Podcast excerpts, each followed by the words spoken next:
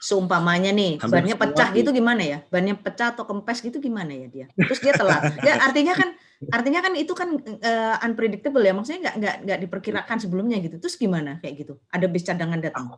Hampir nggak pernah tahu ada ada bis publik Pecah itu. ban atau nambal ban gitu ya kan. Itu kan banyak jadi alasan di sini loh. Sik, aku kebanan. Kena Iya.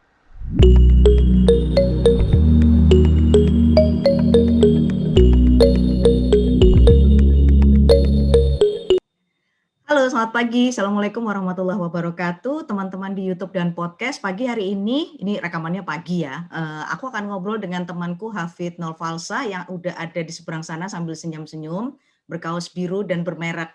Halo Hafid, Assalamualaikum. BUMN kaos Assalamualaikum. Waalaikumsalam. Eh, eh, sehat, Fit? Kita Kartini.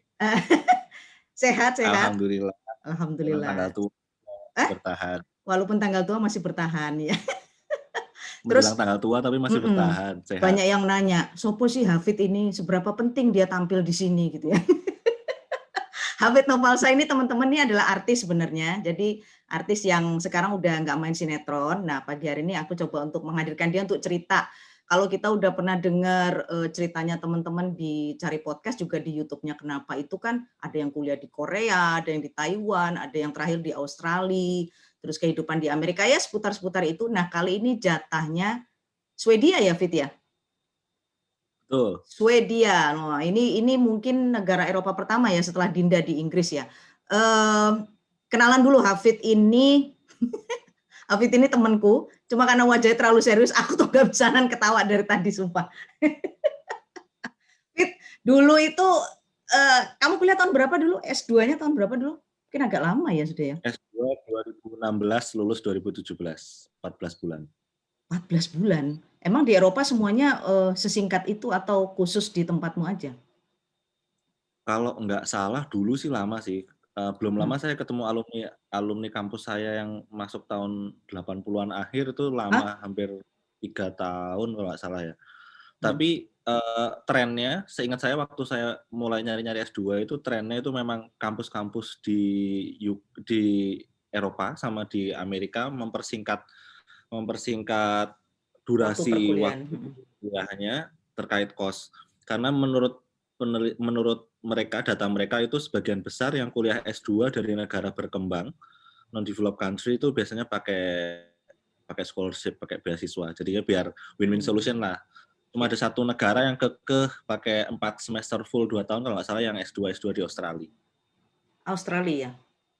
Kalau nggak salah tetap dua tahun. Mas Doni kemarin dua tahun kan ya? Doni itu ya dua tahun, tapi yang si Indra sama Nina tuh satu setengah. Jadi emang tergantung Oh. jurusan kayaknya, tergantung jurusan. Loh, dulu di mana Fit? Di Malmo ya? Jurusannya Saya apa kuliah di Maritime University di Malmö, Swedia. Hmm. Itu universitas maritim di bawah IMO, International Maritime Organization. Jurusan Hmm. yang ditugaskan oleh kantor saya adalah Shipping Management on and Logistics. Mm-mm. Jadi tentang eh, pelayaran, manajemen pelayaran dan logistik di bisnis Hmm. pelabuhan. Itu kira-kira apa aja tuh Fit? Eh, mata kuliahnya mungkin bisa di-share nggak? Maksudnya eh, kita tuh belajar apa aja sih yang di logistik itu? Apa tadi manajemen dan logistik tadi?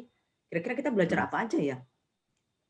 Pertama, kalau dari kantor dan beberapa institusi pendidikan dan dan perusahaan-perusahaan eh, yang bergerak di industri maritim dari seluruh dunia, kenapa milih WMU? Biasanya karena satu berafiliasi dengan IMO. Mm-mm. Yang kita tahu, yang kalau teman-teman tahu, IMO itu kayak PBB-nya urusan maritim di dunia. Mm-mm. Jadi di sana kita modalnya sema, agak semacam kayak delegasi gitu sih. Jadi benar-benar nama Indonesia itu lebih nemplok dibanding nama jurusan atau nama saya sendiri gitu. Jadi oh nih Indonesia nih cuma ada lima orang ya waktu itu dari Indonesia. Jadi benar-benar kayak ada bagian-bagiannya kalau ada acara nanti ada kepanitiaan gitu-gitu. Jadi kita benar-benar dipresent sebagai sebagai negara.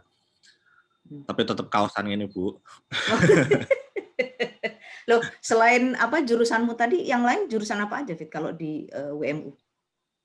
ada lagi jadi eh, ada ada jurusan port spesifik di port saya di pelayaran dan logistik, ada port, pelabuhanan, ada edukasi maritim, ada hmm. terkait safety, satu lagi terkait hukum, ada lima jurusan kalau nggak salah. Jadi hmm. kenapa dipilih di situ emang jadi kuliahnya selain represent sebagai delegasi negara juga sangat spesifik di bidang maritim dan nggak bisa dipungkiri secara personal bagi yang bukan yang bayari ya bagi yang dibayari ini hmm. yang bikin seneng banyak field study-nya hmm. jadi kayak ke mana aja? saya alhamdulillah ya hmm. iso jalan-jalan gratis ke hmm. Field study-nya itu ke Inggris mostly itu urusan finance uh, shipping finance and maritime finance ketemu beberapa lembaga keuangan di sana terus habis itu ke Yunani ke Athens.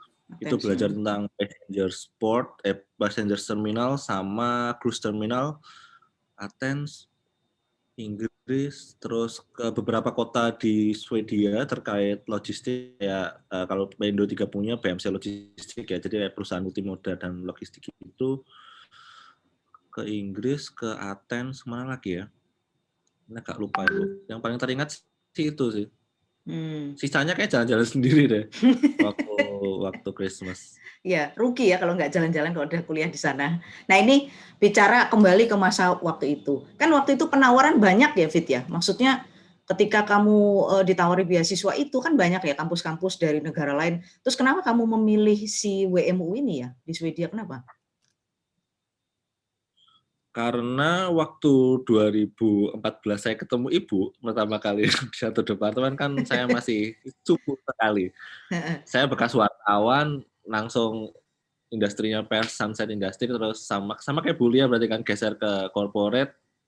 Posisi yang artinya cuma komunikasi tok jadi saya rasa harus survive di harus survive di corporate yang saya yang saya selami sekarang ya harus belajar tentang maritim. Akhirnya milih maritim terus tanya beberapa uh, senior ketika itu juga akhirnya antara yang satu dan akhirnya milihnya yang ada ada dua kampus maritim yang saya pertimbangkan akhirnya milih yang World Maritime University ini. Jadi mostly ya biar lebih komplit lah Bu karena hmm. yang bayarin kantor juga saya rasa lebih fair kalau kalau apa namanya kalau belajarnya ya maritim. Terus ada hmm. cerita lucunya sih waktu itu kan sempat agak angkatan saya kan angkatan angkatan apa? Angkatan terakhir belum kantor kita hiatus mengirim lagi dua tahun lalu kan ngirim lagi ya ke luar hmm. negeri itu Pak CEO-nya waktu itu Pak Orias Petrus Mudak itu kan orang yang keren banget ya kalau teman-teman browsing nanti beliau lah yang membeli uh, sahamnya Indonesia di Freeport. Uh, dia bilang gini, kalau you mau diberangkatin kuliah pakai kantor, ya you nggak ada kuliah kuliah yang lain, kuliahnya maritim, masa akhirnya hmm. ya 86 kuliah maritim hmm. lah angkat hmm. cuma sebulan apa emang mepet banget. Nggak sempat pamitan-pamitan di waktu itu. Iya. Loh Dan emang selain uh, WMU waktu itu pilihannya apa lagi yang maritim? Tadi kan kamu bilang ada dua dua kampus terus akhirnya kamu milih untuk WMU ini. Kayak nggak enak diomongin deh di Belanda negara oh di Belanda. Oke oke. Ya iya, iya. nggak usah disebut ininya kan ketahuan kalau oh, Belanda iya, gitu loh. ada tarik kepentingan mau kuliah di mana kan. Oh, gitu gitu. Nah, terus terkait pemilihan jurusan. Dari sekian banyak jurusan hmm. di di WMU tadi kok terus milih yang ini kenapa, Fit? Yang pelayaran dan Kalau dari lima itu kan ada safety, ada law, safety, law, pendidikan itu jelas nggak mungkin. Hmm. Maksudnya nggak mungkin dalam arti saya sadar diri ya kalau menyeberang terlalu jauh kayaknya bisa bisa sakit nanti kepalanya. Ada dua antara port sama shipping. Terus saya orang port yang kerja di komunikasi, jadi mungkin uh, kalau saya belajar uh, shipping, saya bakal lebih mengerti the customers customernya dari dari kantor saya gitu. Saya jadi bakal bisa lebih berperan ke kantor dari sisi dengan ilmu komunikasi saya dari sisi handle customer. Uh, uh, maksudnya member, mengembangkan bisnis dengan lebih mempertimbangkan sisi customernya. Kalau yang port kan pasti sekantor udah banyak banget yang jago di port kan. Nah, mungkin yang shipping saya pengen nambahin jadi orang yang banyak ngerti di sisi pengembangan bisnisnya. Hmm.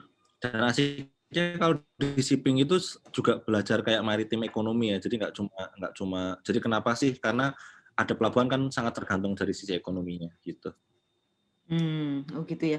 Nah, itu tadi bicara, uh, keinginan Hafid, uh, yang orang komunikasi terus terjun ke port gitu ya. Kepengennya sih kita bisa memberikan yang lebih lah untuk korporasi yang kita wakili. Lah apakah harapan itu terus kemudian terpenuhi setelah kamu kuliah di sana enggak kira-kira? Aku tuh dulu bayang kini kalau berangkat ke WMU itu aku dapat ABCDE umpamanya. Tapi ternyata setelah aku ke sana, kok nah, ada koknya atau atau wah ini melebihi melebihi ekspektasi saya gitu ya. Kira-kira piye, Pit? Nggak usah malu-malu lah ya. Mm-mm. Ya sebenarnya mohon maaf ya dengan yang biaya ya. Maksudnya saya kan nggak bukan seorang yang brilian juga. Yang paling bikin overwhelming sih kalau masalah hidup sih saya sudah biasa hidup semenjana ya Bu di kos-kosan Jalan Gurami itu mungkin kuliah sebagai sering memberikan makan siang gratis tahu. Tapi yang sulit kuliahnya sih karena kalau boleh kalau saya ingat banget saya kayak belum pernah seumur hidup saya setiap hari ngomong pakai bahasa Inggris terus. Itu agak agak panas juga kalau se kuliahnya kan kayak ngantor Bu. Jadi uh, bisa pagi sampai sore pagi sama sore sore kayak orang kantor lah dianggapnya itu.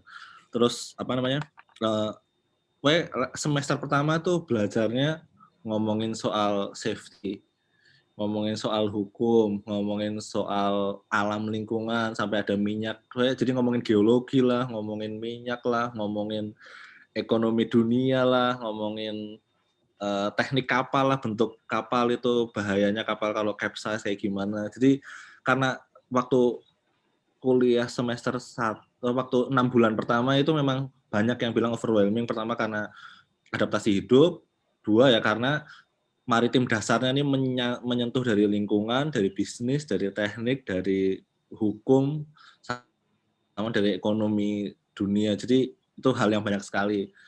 Kalau gaya hidup di apa ya uh, bertahan hidup, hidup sana sih yang paling saya kena itu perut. Jadi kalau nggak salah kalau di negara maju tuh di dikasih di sistem airnya mereka kan air bisa minum langsung dari keran kan.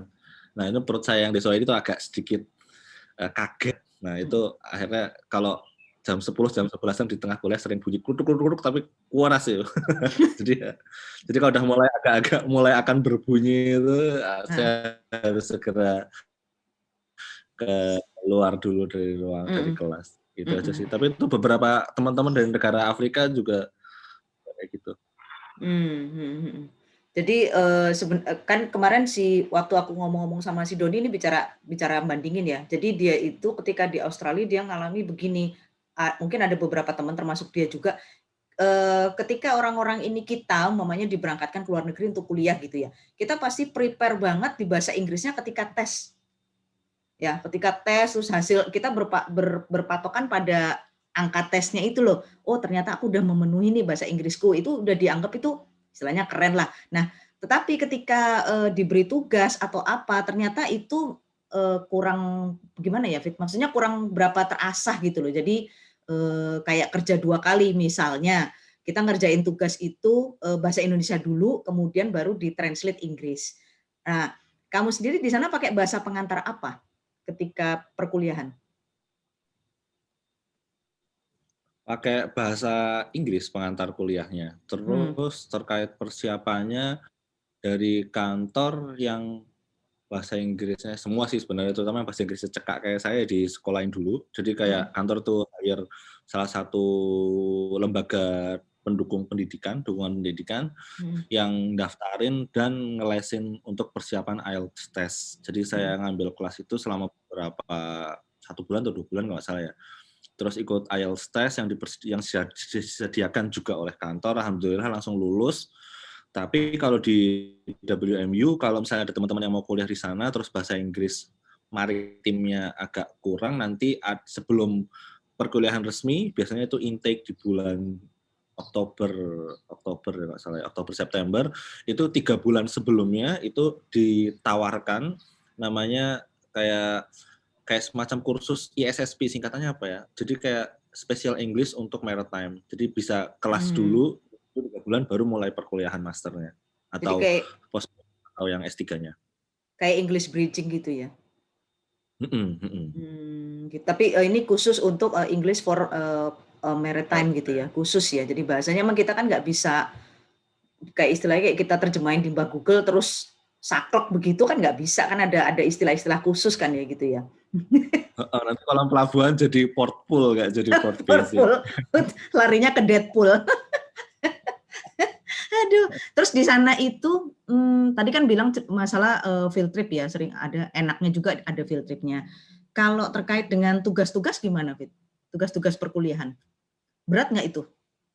Tugas yang paling seru sih kalau buat saya teman-teman di di negara. Oh ya, jadi jadi di WMU itu hampir uh, tak share screen lagi Bu ya. Boleh, eh, boleh. share screen nggak? Boleh, boleh, boleh.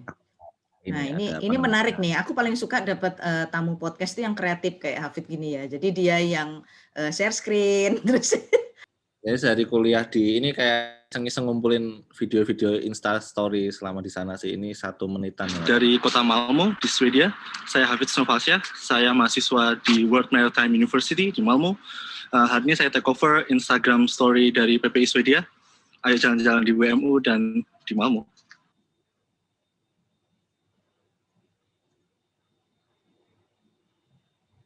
Ini stasiunnya, stasiun yang paling besar. Halo, kota. selamat pagi. Dari kota Malmo di Swedia. Saya Hafid Snowfalsia, saya mahasiswa di World Maritime Ini nggak pernah ada ini sih bu, nggak pernah ada apa namanya, hampir nggak pernah ada kereta telat di sana. Bayarnya pakai kartu ini disediain sama Kampus. kantor. Jadi Hmm. kalau pernah satu kali ada teman dari negara berkembang yang telat, maaf bisnya telat, sama dia dosennya kayak nggak ada bis telat di sini, tolong cari alasan yang lebih baik gitu. Sepanjang saya kuliah 14 bulan mungkin bis telat itu cuma dua kali. Yang satu kali itu dua menit, yang dua kali itu empat menit tuh ya. Dan itu udah ada pemberitahuannya lima menit sebelumnya. Mohon maaf kami Hmm. terlambat dua menit di papannya. Seumpamanya nih, Hampir bannya pecah di- gitu gimana ya? Bannya pecah atau kempes gitu gimana ya dia? Terus dia telat. ya artinya kan artinya kan itu kan eh, unpredictable ya. Maksudnya nggak nggak nggak diperkirakan sebelumnya gitu. Terus gimana kayak gitu? Ada bis cadangan datang. Hampir nggak pernah tahu ada ada bis publik Pecah itu. ban atau nambal ban gitu ya kan. Itu kan banyak jadi alasan di sini loh. Si aku kebanan ngono. Kena Iya. Tuku rokok saya itu juga ada Ah, situ ya. Barangkali ada supirnya yang beli rokok dulu kan kita nggak tahu. Ini Hampir berarti kampus di- kampusnya. Eh bukan ya, ini Central Ini, Station. eh, Central Station ya. Hampir semua bangunan di sana itu apa namanya jadiin satu gitu antara bangunan tua dan bangunan Hmm. baru. Jadi semuanya merge, nggak ada yang dirubuhin. Ya, itu khasnya Eropa lah. Kita kan kalau ke Eropa kan wisatanya wisata bangunan. Iya betul Eh, juga. Betul. Iya, heeh. Nah, ini aku mau tanya ini siapa ya? Ini eh, staf ahlinya, staf ahli sekretarisnya Dirjen Hupla sekarang, Mbak Sari. Oke, Dia oke, oke, Mbak Sari. Indonesia lima orang, salah satunya dia. Ini kampusnya, ini resto paling murah se-Malmo karena disubsidi sama AIMO. Jadi sekali makan tuh 85.000 ribu di sana. Padahal kalau di luar bisa sekitar 160 ribu. Dia Kemudian- eh, mata uangnya apa ya, Fit? Eh, pakai euro? Nggak euro kan? Eh, enggak, Swedish kronor. Oh, khusus ya. Hmm. Ya, Kayak kayak Satu, satu Skandinavia kayaknya ngeyel pakai corona semua. berapa kursnya kalau di Indonesia kan? Tiga ribuan kayaknya. Oh, tiga ribuan jauh ya. Mm. Beda dengan Swiss ya. Kalau Swiss kan Swiss franc itu di atasnya euro harganya malah. Swiss paling mahal bu. Saya Wah. pernah Luar biasa. habisan di habisan dana waktu di Swiss. Ini adalah eh, Waktu oh ini nih kampusnya. Ini Waktu pembelajarannya di sana lah ya. Oh, itu waktu jalan-jalan di London di Athens. Mm-mm. Ini, Ini sama semuanya eh, mahasiswanya ini artinya mereka yang sudah bekerja di bidang pelabuhan ya? Atau ada juga yang betul-betul eh, fresh graduate gitu S1 ada? eh, nggak fresh graduate banget sih, tapi eh, kayak setahun dua tahun lulus S1 terus biasanya yang kayak gitu yang bayar sendiri. Yang Mm-mm. Ada tapi ya, Iya, ada. sing duitnya turah-turah lah ya istilahnya. Oh, yang itu ada juga. Ini di waktu ditugasin bikin apa posternya yang tadi itu. Posternya Hmm. nggak bisa kelihatan ya. Iya. Ya kurang lebih. Nah ini kampusnya. Mm-mm. Tak coba lagi posternya ya. Iya coba coba. coba. Mm-mm. Lo dari eh, dari kita dari eh, perusahaan yang berangkat ke sana eh, hanya kamu ya, Fit? Tahun 2016 iya, tapi kalau tahun-tahun Sebelumnya, sebelum setahun sebelumnya itu ada lima orang, setahun sebelumnya ada beberapa orang. Mungkin lulusan WMU di Pelindo 3 sekitar hampir 20 orang mungkin ya. Sampai sekarang. 20 orang. Sampai sekarang ya. Eh, belakangan ini setelah kamu nggak ada ya? belum ada lagi yang ke sana karena ya. kalau nggak salah terkait COVID-19 sama sama mencoba meluaskan portfolio lulusan masternya di kantor kita itu dibanyakin ke Asia Timur kalau salah Bu ya. Teman-teman yang di, di Taiwan. Taiwan. Mm-mm. Ya, kebanyakan Taiwan ya sekarang. Ini adalah uh, kelihatan ya Bu posternya? Kelihatan sih tapi kecil. Maksudnya ah. ini uh, mapping studinya ya apa ini? Oh, tapi kecil, nggak full selayar? Iya, ya full selayar. Aku ya. maksudnya ya. ini untuk ukuran uh, kacamata saya itu uh, oh, terlalu iya. kecil. Iya. Coba Jadi tolong dijelaskan ini, ini apa? Hmm. Ini poster kelas. Jadi waktu di sana kan saya jadi OSIS divisi publikasi, semacam OSISnya namanya Students Council. Mm -mm. Nah, uh, ini kampusnya. Jadi kampusnya itu bangunan bekas otoritas pelabuhan tua, tapi ditempelin bangunan baru yang ramah lingkungan. Hmm. Ini asramanya. Ini hmm. asramanya, hmm. ini kepala sekolahnya, ini osisnya. Jadi di uh, waktu oh iya Bu maaf. Jadi selain lima spesialisasi tadi, tahun saya tahun 16 itu ada spesialisasi baru jurusan Energy Management dan Ocean Sustainability. Itu baru ya? Terus ya? itu baru, nih. Terus ada jadi ada tujuh Ocean Sustainability sama Energy Management. Terus ada 130 siswa, itu kelas terbesar sepanjang sejarah WMU. Hmm. Jadi besar kecilnya kelas tuh sangat reflect dari perekonomian dunia saat itu sih sebenarnya. Karena kan bayarannya agak lumayan kampus ini. Uh, tuition fee-nya sama lain-lainnya. Itu 48 semua 130 siswa datang dari 48 negara di empat benua. Oh, berarti Dan, Class of ini apa 2017 ini berarti adalah yang terbesar sepanjang sejarahnya WMU gitu maksudnya? Betul, yang oh. paling banyak siswanya dan paling diverse. Oh ya, menarik sekali waktu kamu bilang tadi uh, itu adalah salah satu ukuran bahwa sebenarnya ekonomi dunia lagi baik ya 2017. Iya, anggota itu mungkin agak jauh kaitannya, tapi guyonannya kayak gitu karena uh, tetap ya semua dan tuition fee-nya besar. Iya kan, terkaitnya dengan biaya perkuliahannya yang luar biasa ya. Ini mana nih Hafid yang mana? Saya yang shipping, shipping, shipping. Saya yang mana ya? Di sini kok. Nah ini nih. Oh iya. iya. Ceweknya oh lumayan ya, lumayan lumayan. Nah ini untuk pertama kalinya juga nih empat ada 48 siswi ya mahasiswi dan itu sekitar 37 persen dari kelas yang berhasil lolos masuk uh, uh, tes masuknya dan itu yang terbesar juga proporsi perempuan di di sana. Hmm. Dan serunya di Swedia ini kan sangat uh, sangat gender equality sangat kencang ya. Jadi kalau nggak salah tuh DPR sama menterinya banyakkan perempuan daripada laki-laki secara jumlah. Oke. Okay. Uh, aku memang nanti deh kita bicara di part 2 masalah culture ya. Itu ada satu hal yang buat aku tertarik dengan Swedia tapi nanti aja. Uh, apa namanya Fit? Apa ya. sih seumpamanya ada ada orang gitu ya, ada teman-teman pengen kuliah ke sana. Apa sih yang membuat uh, WMU ini menjadi kampus yang menurut Hafid itu eh ini layak loh untuk kamu uh, lanjutkan studi ke sana gitu. Apa? Oke, biar fair mungkin pros and cons ya. Uh, cons dulu misalnya kalau downside-nya dulu yang satu jelas saya insya Allah ini pas kemungkinan besar lebih mahal dibanding yang lain itu konsnya jadi lebih baik beasiswa kons yang kedua WMU ini kurikulum akademiknya tidak terstandar di semacam asosiasi pendidikannya ya. di Eropa jadi kalau lulus dari WMU sebaiknya mengambil semacam kalau di Indonesia itu butuh sampai ke Jakarta ya bisa kapan aja sih sebenarnya tapi as hmm. soon as possible baik itu semacam penyetaraan atau sertifikasi lah hmm. sertifikasi hmm.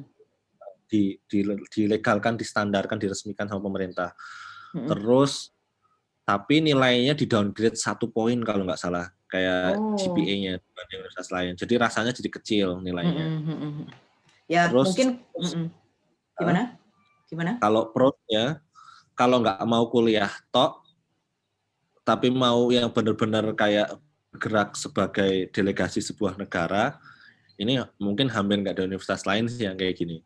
Hmm. Terus sampai sekarang, kalau saya sih insya Allah nggak pernah kayak memanfaatkan atau membawa bendera komunitas apa pun ya, tapi jejaringnya alumninya WMU seluruh dunia dan di Indonesia terutama itu setelah kuliah pun sampai sekarang silaturahimnya masih baik dan saling mendukung secara karir tapi dengan proporsional. Jadi bukan berarti kayak ada kayak gerbong-gerbongan kampus gitu, insya Allah nggak ada sih. Maksudnya kalaupun kalaupun yang didapatkan privilege-nya ya semacam informasi dapat lebih dulu dan ada ada senior untuk bertanya, senior di Hmm. maritim. Dan itu Mhm. itu saya nggak ada, nggak aku saya nggak pernah kebayang bakal kuliah dapat traveling juga kayak di foto-foto ini, tapi juga dapat pengalaman bertindak sepanjang 14 bulan full sebagai orang Indonesia di luar negeri gitu loh. Maksudnya Mhm. nggak yang datang buat ngelencer tapi buat buat lagi ada kerjaan nih, kerjaan kak tugas kuliah dan mewakili di situ di WMU di council. Hmm, hmm, hmm, hmm.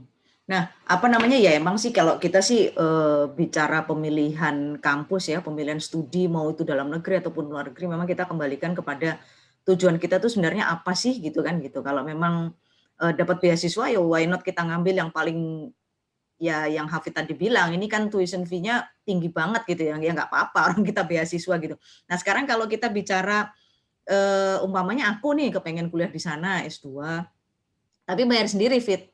Kira-kira berapa biaya yang harus aku keluarin ya?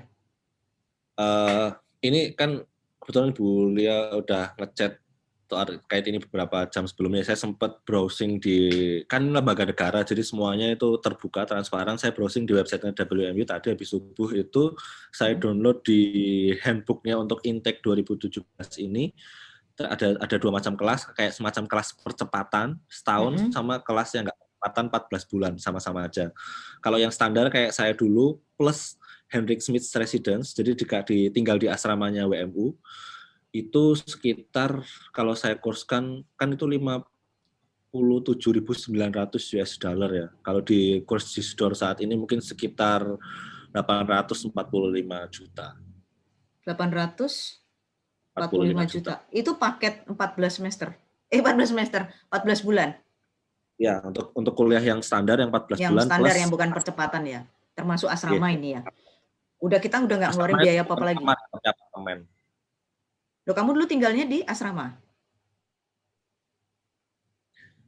Ya, waktu itu tinggalnya di asrama 6 bulan, 8 bulan sisanya di apartemen di luar karena kan anak sama istri datang. Hmm, oh iya iya iya. Ini 845 juta masih keluar ada ada biaya lagi yang harus dikeluarin nggak? Kayak umpamanya Oh, apa ya? Oh masih ada. Apalagi? Apalagi? Makan, Bu. Oh makan. Makan, Oh iya. traveling. Nggak maksudnya yang terkait dengan pendidikan. Ya, Kayak buku. beli buku Heeh. eh, saya kan mau beli buku ya jadi buku cuma satu dua aja soalnya bukunya mahal kalau yang yang, yang udah jadi bos-bos kuliah tuh bukunya banyak dia beli tapi perpusnya udah cukup kok Nah, iya kan nggak kan sebenarnya nggak nggak terlalu ini juga pinjem masih bisa kan pinjem. sama ini bu apa namanya eh, traveling tapi in the means of uh, uh, net kayak networking gitu misalnya ada dari satu negara gitu ada yang udah jadi pejabat di IMO dia kayak terbang ke London buat networking itu kan termasuk ngomongnya ya silaturahim sama minta masukkan tugas kuliah tapi ya sekalian dia networking jadi begitu dia kembali dia kayak udah ada channel yang lebih luas buat buat karirnya Oh gitu. Oh, kamu tidak berusaha untuk itu kemarin? oh saya ikhti eh, ikhtiarnya yang tawakal yang biasa aja tak pancing. Tapi eh, ini bicara tentang eh, culture studies lagi. Du masalah tugas tadi udah. Kemudian kalau kayak jurnal gitu ada kewajiban untuk bikin jurnal nggak? Nggak ada ya? jurnal nggak ada cuman Hmm. waktu tugas akhir itu kan ada pilihan nih boleh bikin Nah tugas tesis akhir. Bikin elek- eh, boleh ikut kelas elektif saya ikut kelas elektif jadi milih Hmm. satu tesis atau empat kelas elektif kalau nggak salah saya ngambil kelas Apa tuh? elektif ada Hmm. kelas PR maritim juga kelas CSR kelas Oh ada PR maritim. eh, Hmm. ya digabungin sama CSR tadi itu sama ekonomi kalau nggak salah ya jadi saya ngambil hal-hal yang oh sama sustainability juga lingkungan tuh saya ngambil Hmm. Loh, Karena- itu ngapain kita di Eh, situ di kelas itu? kelas kuliah lagi jadi yang lain pada pada jalan-jalan Oh. tesis gitu kan tesis kan waktunya lebih fleksibel jadi langsung pada traveling keluar Swedia gitu Hmm. kalau tesisnya sambil bisa disambi kalau saya kuliah lagi full sampai dua kenapa? minggu sebelum perkuliahan Kenapa kenapa kamu nggak milih jalur yang tesis? Ya, saya kan ini agak nyeleneh ya seperti Bu Lia tahu ya. Saya aja nggak nggak wisuda seremoni itu saya nggak ikut karena ada biaya tambahan untuk overstay-nya anak dan istri saya. Jadi seremonial simbolisasi itu saya nggak terlalu. Saya bukan orang yang yang menganggap itu penting ya. Jadi akhirnya saya milih kuliah banyak-banyakin eh, oleh-oleh buat di dalam kepala aja sih di bidang-bidang yang saya penasaran. Mumpung di negara maju. Hmm. Nah, tapi kan sebenarnya juga tesis itu kan juga oleh-oleh untuk otak gitu loh, Fit. Kan ada kenangannya loh, ini Oh, loh pasti. tesisku. pasti pasti ya ya ya pilihan ya jadi kalau tesis kan berarti kita akan memfokuskan penelitian di satu topik ya kalau saya berarti milih bikin empat tugas tambahan di topik-topik yang berbeda yang tidak sedalam tesis Hmm. Mungkin Jadi kalau mungkin antara- dan spesialisan ya ini pertimbangannya ya kalau teman-teman yang pakai jalur tesis tuh kebanyakan mungkin mau lanjut ke doktor ya, mungkin Ya, mau ke betul. S3 mungkin ya, seperti itu ya. saya mau lanjut ke Surabaya aja Oh, bukan mau itu harus, memang harus balik soalnya kamu sip jos kalau gitu. Oke deh Hafid, untuk part 1 ini aku rasa cukup dulu kita masalah culture study. Terus tadi sudah flashback sedikit masa lalu kita yang yang lucu dan ya asik lah. Mudah-mudahan teman-teman ngambil manfaat dari perbincanganku sama Hafid Novalsya. Kita ketemu lagi di part 2. Makasih Hafid. Assalamualaikum. Waalaikumsalam